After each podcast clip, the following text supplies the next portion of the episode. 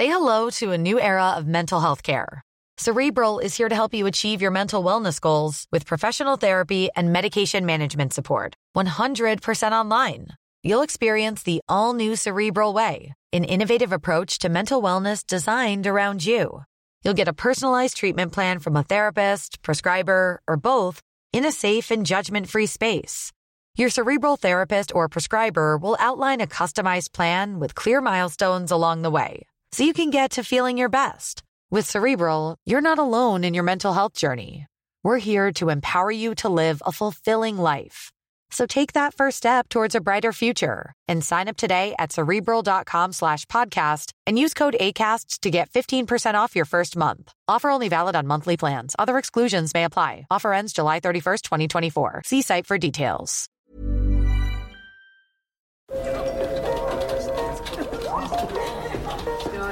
Dette er lyden av norsk næringsliv. Akkurat nå tas det små og store valg som kan bli avgjørende for fremtiden. Med økonomisystemet X-Leger tas disse beslutningene basert på informasjon i sanntid, slik at drømmer og ambisjoner kan bli virkelighet. Få kontroll og oversikt. Gå inn på xledger.no. Denne sendingen er sponset av Xleger. Det er kapitalmarkedsdag i PGS, og pilene peker oppover. Tesla setter nye rekorder og tror fortsatt de skal klare å vokse bilproduksjonen med over 50% Og Carnegie har lysere tro på laksen. Det er torsdag 26.1. Velkommen til Børsmorgen.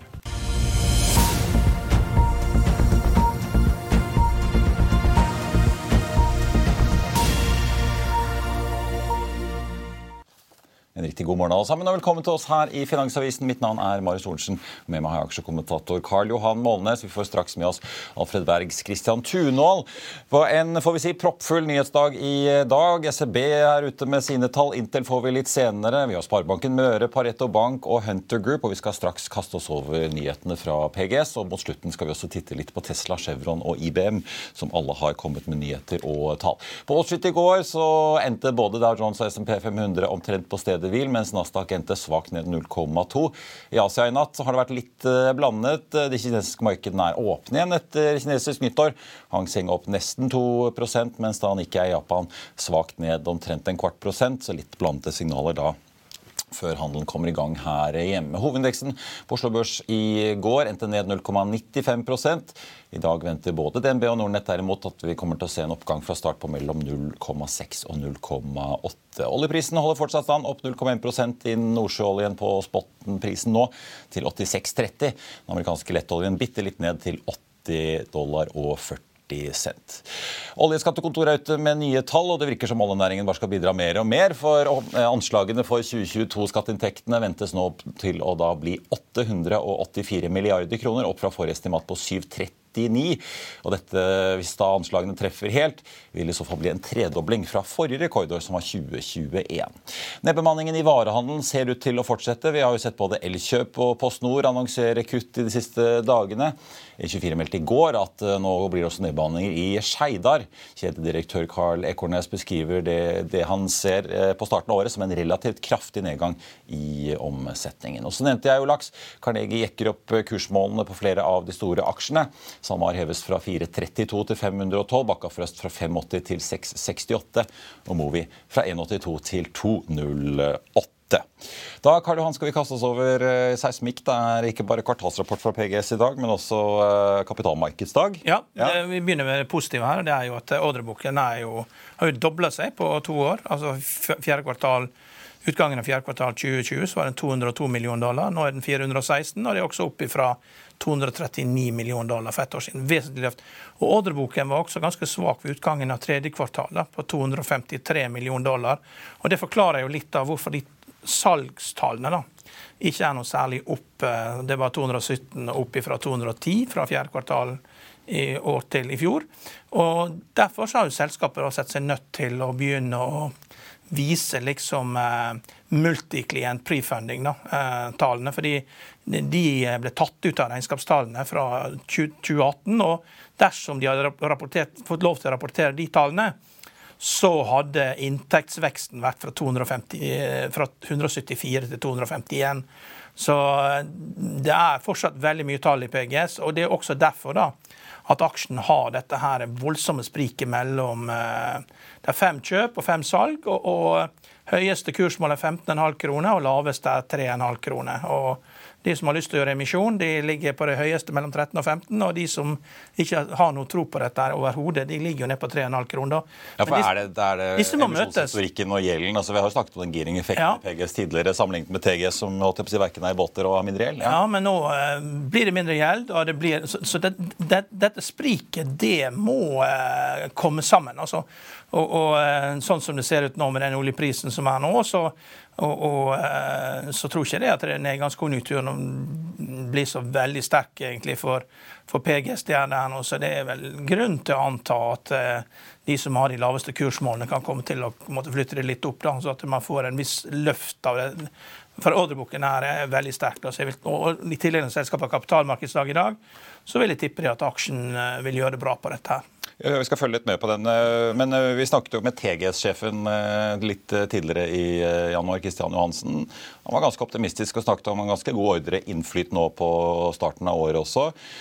Eh, er det noe du biter deg merke i i det PG skriver utenom tallene, med hva de skriver om utsiktene sine eller eh, planene fremover? Eh, jeg tror de har spart juicy bits til kapitalmarkedsdagen. Det var ikke mye geografi og farge og color. Altså, det var veldig mye regnskapstekniske ting i det som var der, og veldig tekniske ting. og de men i og med det er kapitalmarkedsdag, så får man en juicy Men det er klart TGS har jo mye sterkere eksponering mot Gulf of Mexico, der vi har hørt at det er positiv aktivitet. Eh, PGS er jo sterkere i Brasil, men det er jo et marked der det ikke er så lett å tjene penger på seismikk da, som det er for Mexico, for du har, det er liksom ikke så mange aktører. da. Nei. Så det, nei, så det, PGS, dette ser bra ut, så jeg tipper det at det blir noen kursmål i en lavere ende som kommer opp, og at da kursen på 7,8 at den kan komme til å stige. Ja. Så eh, skal vi følge med den litt over dagen. PGS-aksjen starter opp eh, litt over 4% faktisk fra start. Ligger nå på så vidt over 8 kroner eh, aksjen på en børs som også starter ganske solid opp 0,76 foreløpig. Og på 1189 poeng, så kan det være hvis vi er ordentlig heldige i dag at vi ser 1200. Vi får se. Ellers på toppen av listene så ligger Equinor i gang med en oppgang på 0,8, de også. Gjensidige, nest mest omsatte. Gjensidige falt jo ganske mye i går da etter kvartalsrapporten rapporten deres. Eh, Gjensidige fortsetter da ned 0,2 og er nest mest omsatt fra start. Også mye omsetning i PGS, som ligger på fjerdeplass rett bak SalMar, som er opp 1,2 eh, får vi si. Jeg tenkte også bare å ta med svenske Telia, som har kommet med et tall i dag. De varslet jo, eller kom jo med et resultatvarsel da, for ikke mange dagene siden, hvor de varslet at de tar tap på 19,8 milliarder svenske kroner grunnet da økte kapitalkostnader og renter. Så de skriver ned verdien av eiendelene sine. I går så kom amerikanske ATNT 10 med sitt regnskap. De tar også tap eh, gjennom nedskrivninger på 25 milliarder, men da snakker vi dollar, med samme begrunnelse som da Telia. Så det blir spennende å se hva Telenor kommer med når de kommer med sine tall neste uke. Bunnlinjen for øvrig til eh, Telia i fjerde kvartal ville vært ca. en milliard svenske kroner i pluss, hadde det ikke vært for disse store tapene. Så også for å vite Interessant å merke seg at inntektene deres økte med nesten 4% men det er jo da fortsatt ikke nok til å ta unna for inflasjonen, som selskapet også er ganske åpne på. I guidingen for 2023 så varsler Telia igjen en lav ensifret vekst i inntektene og flat eller svak vekst i driftsresultatet, som de gjorde i, fjor, før de kuttet guidingen sin i oktober og slang på at det gjaldt da X Energi. Men lille, det lille forbeholdet har de nå tatt bort da for 2023. Det forbeholdet kvartalsrapporten i oktober sendte for øvrig Telia-aksjen ned eh, over 12% på Stockholmsbørsen. Ellers får vi ta med at eh, Telia her i Norge har jo varslet en nedbemanning, men leverer økende driftsresultater til tross for økte energikostnader på 2,5 da opp på EBITDA-en.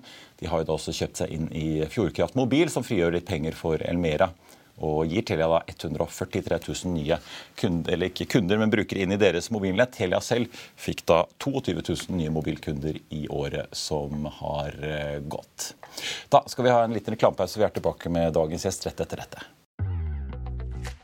Vil du bli oppdatert på det viktigste som har skjedd innen finans og næringsliv? Da er det bare å følge med, for hver morgen er jeg, Marius Lorentzen og aksjekommentator Karl Johan Malnes på plass i studio for å ta tempen på dagens marked i Børsmorgen. Og hver ettermiddag oppsummerer vi alt du trenger å vite i økonominyhetene, og det blir selvfølgelig masse interessante gjester. Klikk deg inn på fa.no-tv, eller søk opp Børsmorgen og Økonominyhetene der du hører på podkast.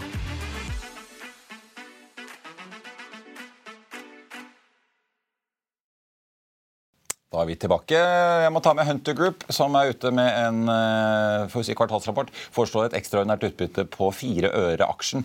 Begrunnelsen for utbyttet er at selskapets egenkapital og likviditet da overstiger den nødvendige driftskapitalen. Så eh, får vi si, Hvis ikke selskapet eller aksjen stiger på dette, så prises skal selskapet da til 1,4 øre per aksje.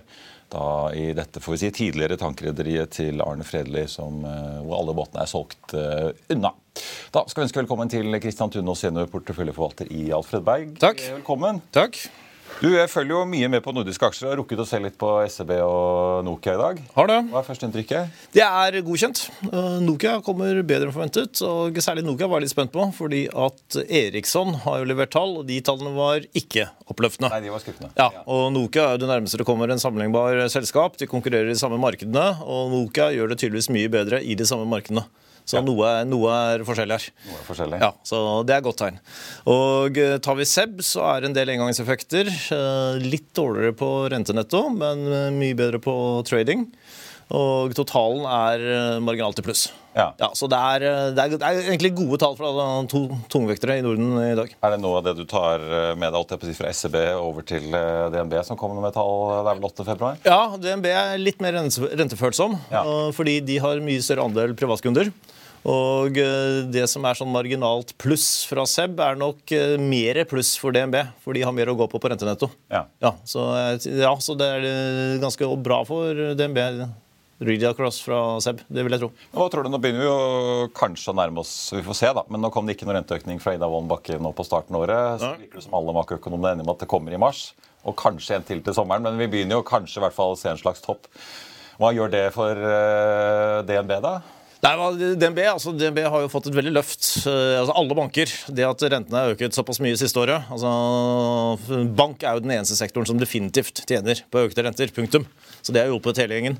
Og uh, nå er vi egentlig bare tilbake til der hvor rentene var skal vi si, før finanskrisen. Omtrent på de nivåene. Og uh, i ettertid så tipper jeg kanskje dette vil si at nå har vi hatt en normalisering av rentene.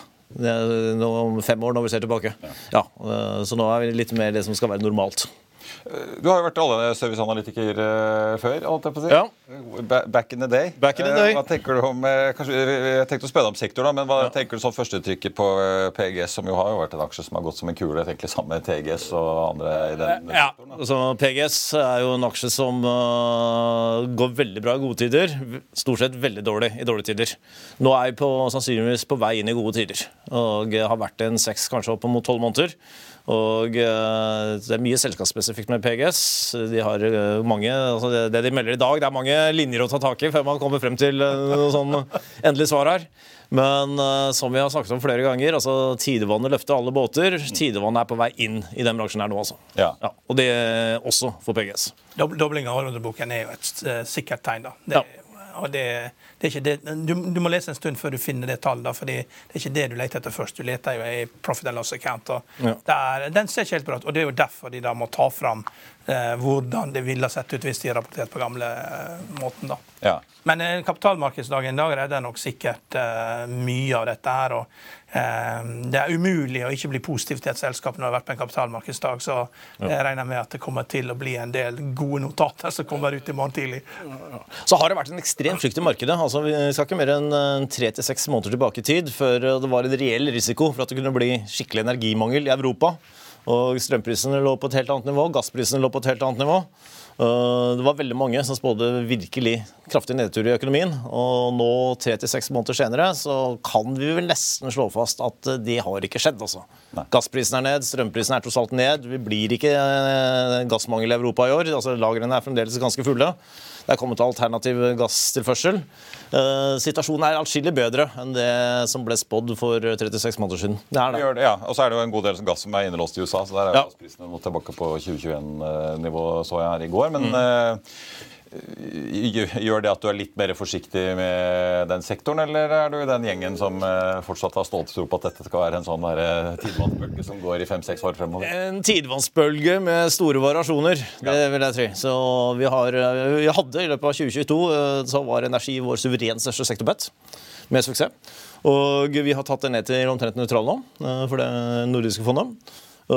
Det som jeg har sett Gambak Nordic, altså? Ja. Nordic Gambak, ja. ja. Og det vi ser så langt i 2023, det er i positiv retning. Ja, ja det er det.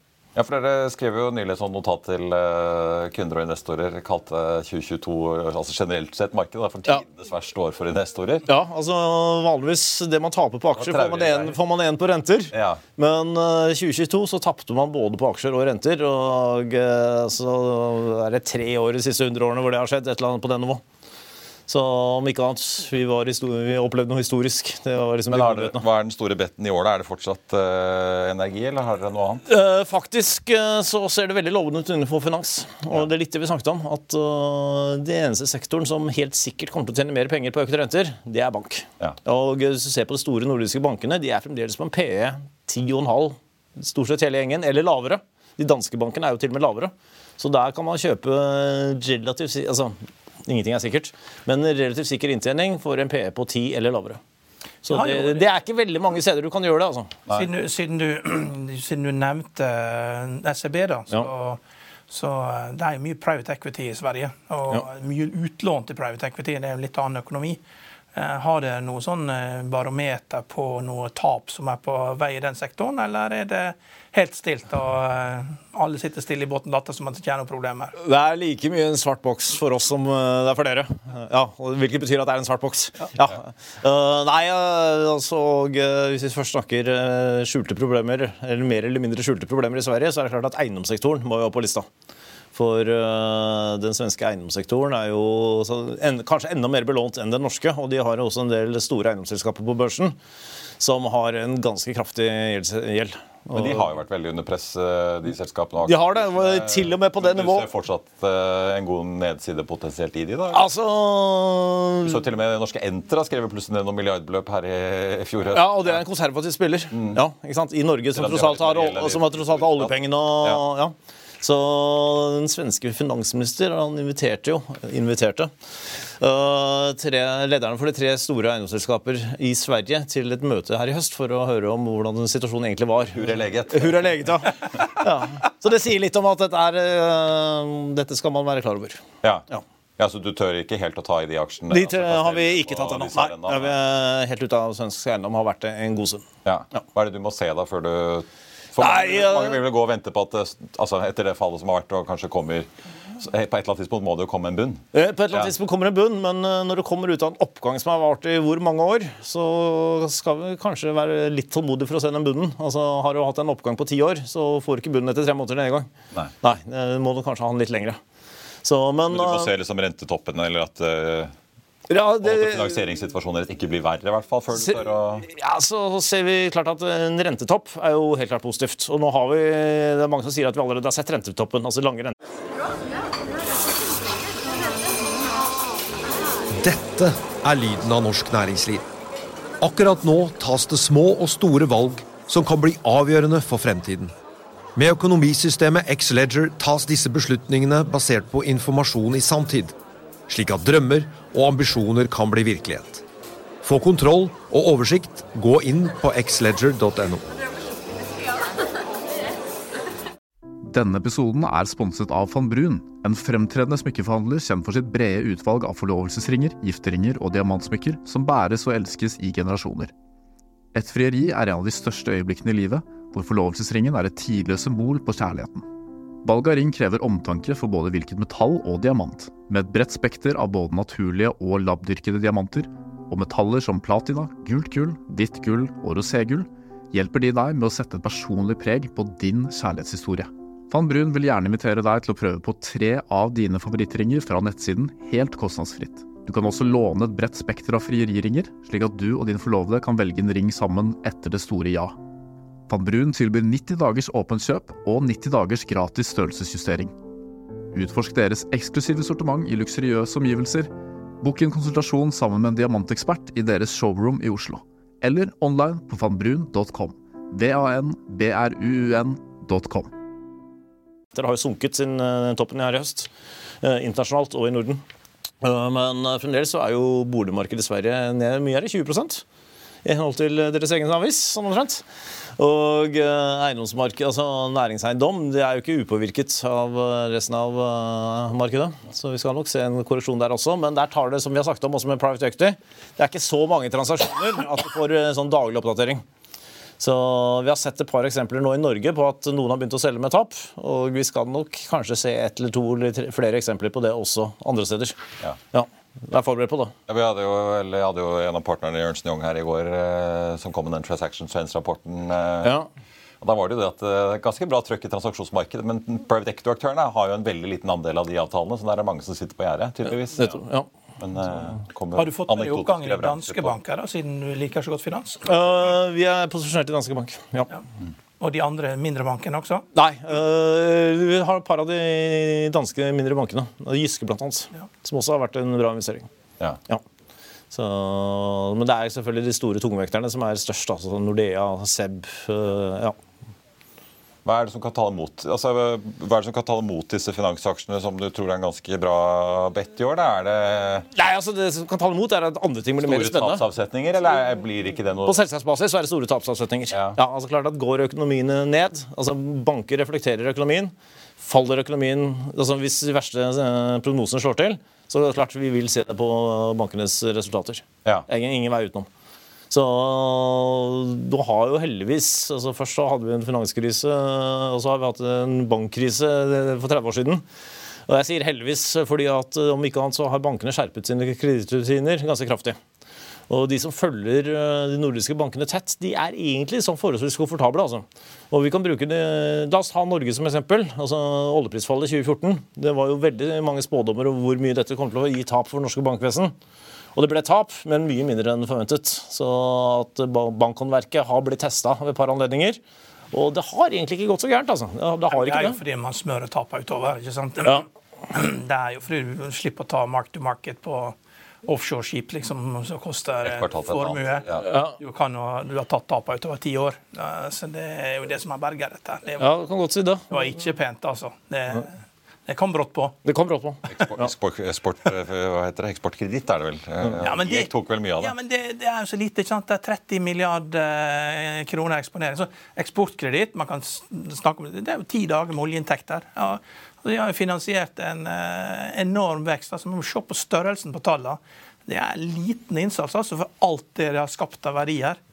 Så eh, det glemmer, man, altså, det glemmer man når man tenker på dette. her. Ja, eh, Men eh, dere, I denne notatet deres så beskrev dere jo egentlig liksom, markedet i fjor. Norden gjorde det ja, det var jo ned, men det var jo dog bedre enn mye annet eh, rundt i verden. Det var det. Regionen så kom vi ganske greit ut av det. Altså, Norge- Det var da eiendom og for så vidt eh, tech og IT som trakk mye ned. ja det var altså eiendom Hva med, hva med tech og IT i år, da? Tror du utsiktene er bedre der? Vi ser jo flere av disse selskapene kutte. Det er ikke bare de amerikanske. Vi ser jo også at ja, Skipsted og andre varsler kutt og nedbemanninger. Ja, og Skipsted stiger på det når de varsler. Så nei, altså det er en av grunnene til at jeg er litt som forbeholden når det gjelder bank. Altså Det ser veldig bra ut isolert sett. Så en investor som eh, kan si, i blanke referanseindeks og bare skal ha en, eh, en noenlunde brukbar avkastning, så er eh, nordisk finans et godt alternativ i disse dager. Når man driver fond, så må man også se på hva er alternativene. Og det avhenger veldig av generelle syklen og bør- børsklima. Så veldig spent på å se om hvis, altså Nå har vi hatt en oppgang på, siden oktober, ganske kraftig. Tosifret antall prosent. Hvis liksom den gode stemningen fortsetter å bygge seg opp og etter hvert tar litt fart, så er det klart at da må man litt lenger ut på risikokurven. og Det kommer også til å påvirke realøkonomien ved at da viljen til å gjøre investeringer, som tech er avhengig av, eh, kommer til å øke. Ja. Så beste rådet er egentlig bare å se litt an og se hvordan, hva som skjer. Og være klar over at hvis liksom, oppgangen begynner å sette seg skytefart, så er tech en av de sektorene som definitivt kommer til å tjene på det. Det, det kom jo i går, da. eh, Ja. Det notatet. 150 siders notat fra Department of Justice i USA som angriper Google. Og, Ja, på eh, er annonsemarkedet. Og det er visst eh, det er visst ganske juicy stoff, altså med Mm. Trojan horses og sånn, så nå sitter de i clusteret. Og det kan godt hende at det her blir selskapet splitta opp. altså, For dette her var, det var en som hadde lest det, og altså, det her var ille greier. Så jeg skal se på det kanskje i helgen og se om Trøsten for Google for at det er en relativt liten del av butikken. i. Nei, search, nei, det er hele Nei, ikke search, men annonsedelen de går eh, Jo, men det går jo på det, Hvis du begynner å rive i stykker dette her ikke sant? Search det er jo det som driver annonseinntektene. Det er at du hele tida sørger for at det koster mer og mer penger å stå foran i køen. Så det er jo linket til search. Altså Hvis du eh, splitter de ut, det samme som Apple, når du splitter ut den der eh, funksjonen med search eh, fra annonsene, plutselig så kollapser Snap. ikke sant? Så, så hvis du løsriver disse to fra hverandre, så får Google problemer. Eh, Nå er vi fortsatt mange kvartalsrapporter igjen. da, i Ja, kvartalssesongen. vi er tidlig, ja. Vi er jo tidlig ennå, men Hva er liksom førsteinntrykket til at det du ser da? For jeg bet meg merke Dere skrev jo at eh, dere liksom, inntjeningen har holdt seg overraskende godt, selv om markedet i fjor tanket. Ja, og det, det står vi for eh, fremdeles. Og eh, det som kanskje altså En ting er at finans gjør det bra. Det var eh, egentlig lå litt i kortene, syns jeg. Det som er mest interessant foreløpig, det er at eh, industri klarer seg ganske bra. Og eh, Sandvik, et eh, veldig godt eh, svensk industriselskap, kom med tall nå sist fredag. Og de sa vel egentlig ganske klart at det er mulig det er en resesjon et eller annet sted. Vi ser den ikke. Nei. Altså, Kundene er der, ordreinngangen er der, marginene er der. altså De var egentlig bare overrasket over hvor, hvor bra det går. Og så Det er mange som nå sier at vi kanskje skal litt fred inn i en sånn større sykkel for råvarebasert. Ja. Og det, Basert på Sandvik så virker det som det er noe i det. altså. Det gjør det. Så det var ganske interessant lesing. Ja, For kontrasten til Fordi jeg har en historikk fra er 1914 eller et eller annet sånt nå. Så Ja, for de, de har noe å sammenligne med. kontrasten til hva Microsoft-sjefen sto og sa med hva de merker av oppbremsing på selskapenes pengebruk på IT-løsninger, Ja. er ganske stor. da, For der var det det bremset liksom november, desember og januar. Nå har det liksom virkelig bremset. Ja, og vi har detaljhandel. ikke sant? Altså Kampen om folks lommebøker blir jo bare hardere og hardere. Det merker vel kanskje også Microsoft. Men så skal det bygges masse vindmøller, det skal bygges infrastruktur. og det, det er kanskje rett og slett Vi skal vri sektorvridning her tilbake til eller rett og slett produsere fysiske ting. Vi skal bygge storfabrikker i USA. Det Ja. har skjedd mye av de siste 40 årene. Nei, ikke sant? For vi skal flytte produksjonen, Nei, skal fra, vi skal flytte produksjonen fra Asia til, tilbake til USA. Og så er det militær ekspansjon også. Ja.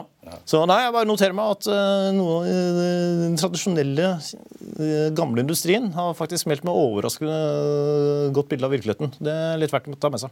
Telia tør eh, åpenbart å gi guiding eh, med energikostnader i år. Ja, det er også litt lovende. lovende. Sier vel litt Ja. om i hvert fall utsiktene de har. Ja. Kristian Tunhold i Alfenberg, tusen takk for at du eh, kom til oss. Bare hyggelig. Jeg må ta med litt eh, av nyhetene fra Pareto Bank i dag. De fikk et resultat før skatt på 226,5 millioner kroner i fjerde kvartal, mot 116 på samme tid året før. Så en ganske solid økning der altså. Foreslår et utbytte da på 3 kroner og 86 kroner aksjen. Og så har Elliptic Labs eh, signert sin første Chromebook proof of concept-avtale med en eksisterende PC og laptop-kunde også.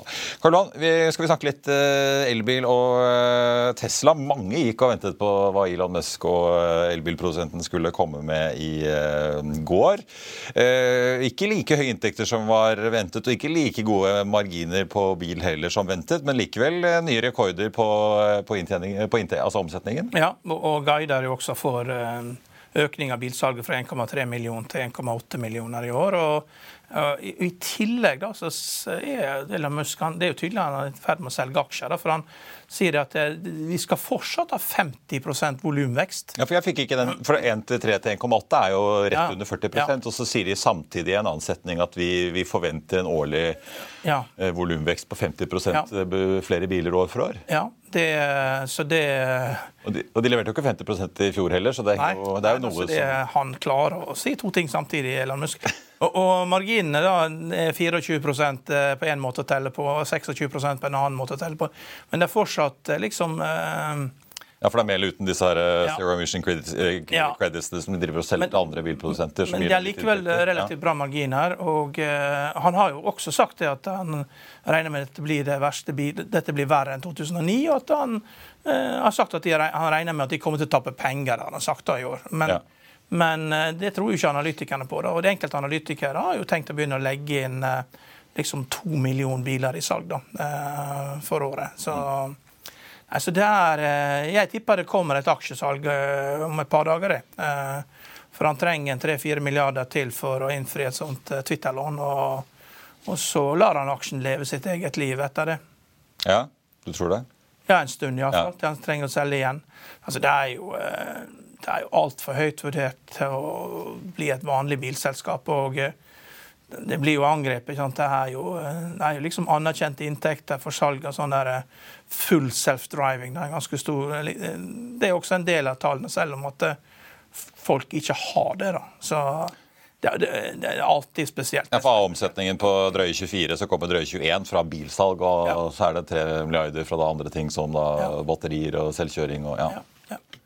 Men det er jo et uh, suksessfullt selskap, og, og han hadde vel også sagt at når det er nedgangskonjunktur, så gjelder det å få selge så mange biler som mulig og få de ut i, få de parkert i drivewayen. og selv om folk ikke har råd til å kjøpe den, akkurat den dyreste bilen de har lyst til å kjøpe akkurat nå, så kanskje de oppgraderer senere. Så, Ja. så han er aggressiv selger.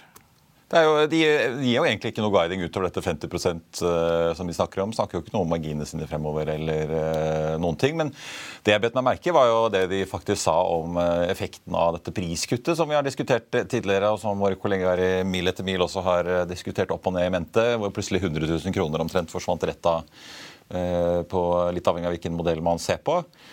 Voldsom trafikk inn på nettsider og forhandlerne så langt i januar, virker det som. Ja, han sier jo det at etterspørselen etter biler er dobbelt så stor som det de kan produsere nå. Mm.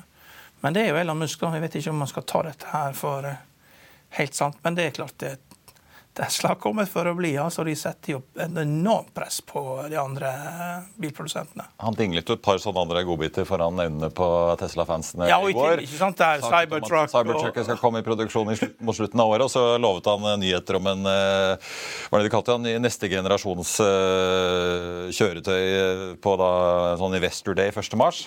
Ja. Så her er det masse å glede seg til fremover. Ja. Virker det sånn? Ja. Jeg tenkte, Vi har jo snakket mye om tech og nedbemanningene. IBM kom med tall i går. eh, Kuttet 3900 stillinger. Men det tilsvarer ikke mer enn halvannen prosent. Det virker jo som 6 er det nye ellers. Hvis Ja, på ja. Microsoft og Google og Spotify og Et selskap brøt eh, trenden i går. Lam Research. 7% kutt i antall ansatte. Så, og det var en som sa det at, at det, dette her er eh, De er tilbake igjen på det ansatte-nivået de hadde for ett år siden. Ja. Så det har jo vært en enorm vekst, og at eh, eh, har jo vært mye sånn work from home, og det har vært scramble for å få tak i folk. og nå er det litt mindre det, da. Så det er jo gjerne sånn at eh, Eh, hvis du er sjef, så enten så ansetter du folk, eller så sparker du folk. Og det er jo, det går med sesongene. Det er jobben din. Du kan ikke sitte stille da hvis du er sjef. Nei. Du må gjøre noe. Ja. Så IBM gjør i hvert fall noe, men de var jo også en av aksjene som gikk, eh, ikke, altså gikk mot trenden i fjor med, og unngikk dette store tech-fallet. Ja, Men de har vel ikke hatt så mye vekst i IBM de siste 20 åra. Så det, Steady going, vet du. ja. Ja. Red Hat, er ikke det Linux som er bergensselskapet? Ja, det husker jeg ikke lenger. Ja. Eh, Jeg tenkte ellers eh, Interessant å merke seg før Equinor skal ha sin kapitalmarkedsdag i London 8.2.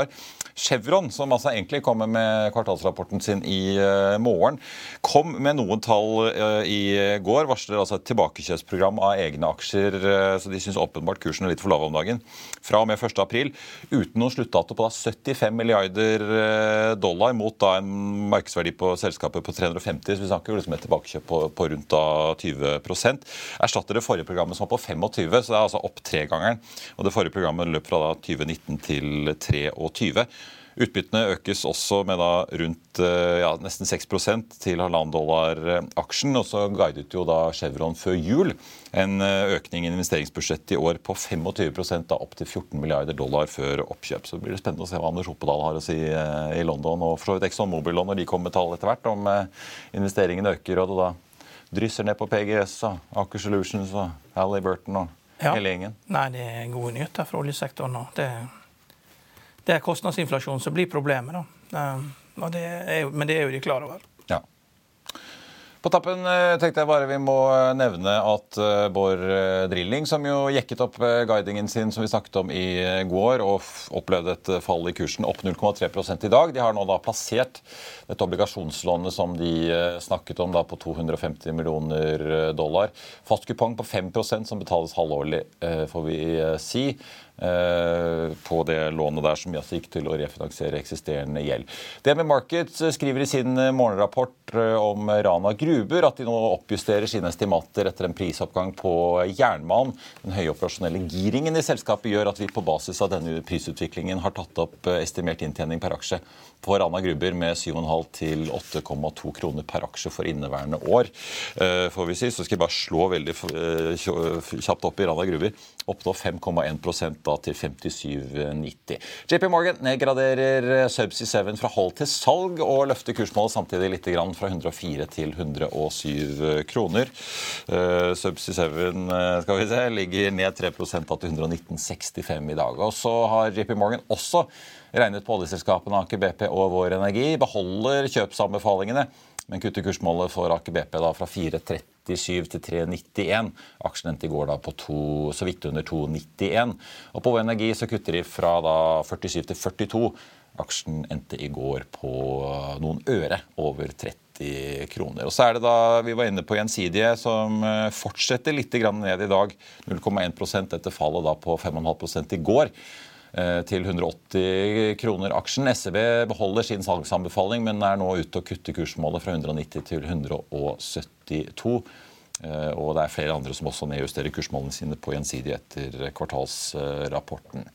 Europris, der har Carnegie oppjustert fra 52 til 58, opprettholder sin holdanbefaling. Oslo Børs starter solid opp i dag, 0,8 da med en oljepris som ligger på 86 dollar fatet. På listen over de mest omsatte aksjene så er det Borr på fjerdeplass, som er ned en halv prosent. Ellers er det grønt jevnt over helt ned til da man kommer til Subsea 7 og Gjensidige. 7 da ned 2,9% Og Det var børsmålen for denne 26. januar. Nyhetsdagen er bare så vidt i gang, og i Økonominyhetene så kommer Norsk Industris Knut Sunde og sjeføkonom Kjetil Olsen i Nordea Markets. Begge to er ute med nye konjunkturrapporter, så det er bare å følge med. I mellomtiden så får du siste nytt på FA.no gjennom hele børsdagen. Ha en riktig god dag videre alle sammen. Vi ses.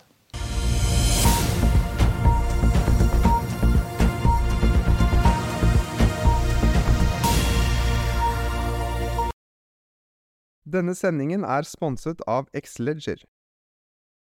Økonominyhetene er en podkast og videoproduksjon fra Finansavisen. Programleder er Marius Lorentzen.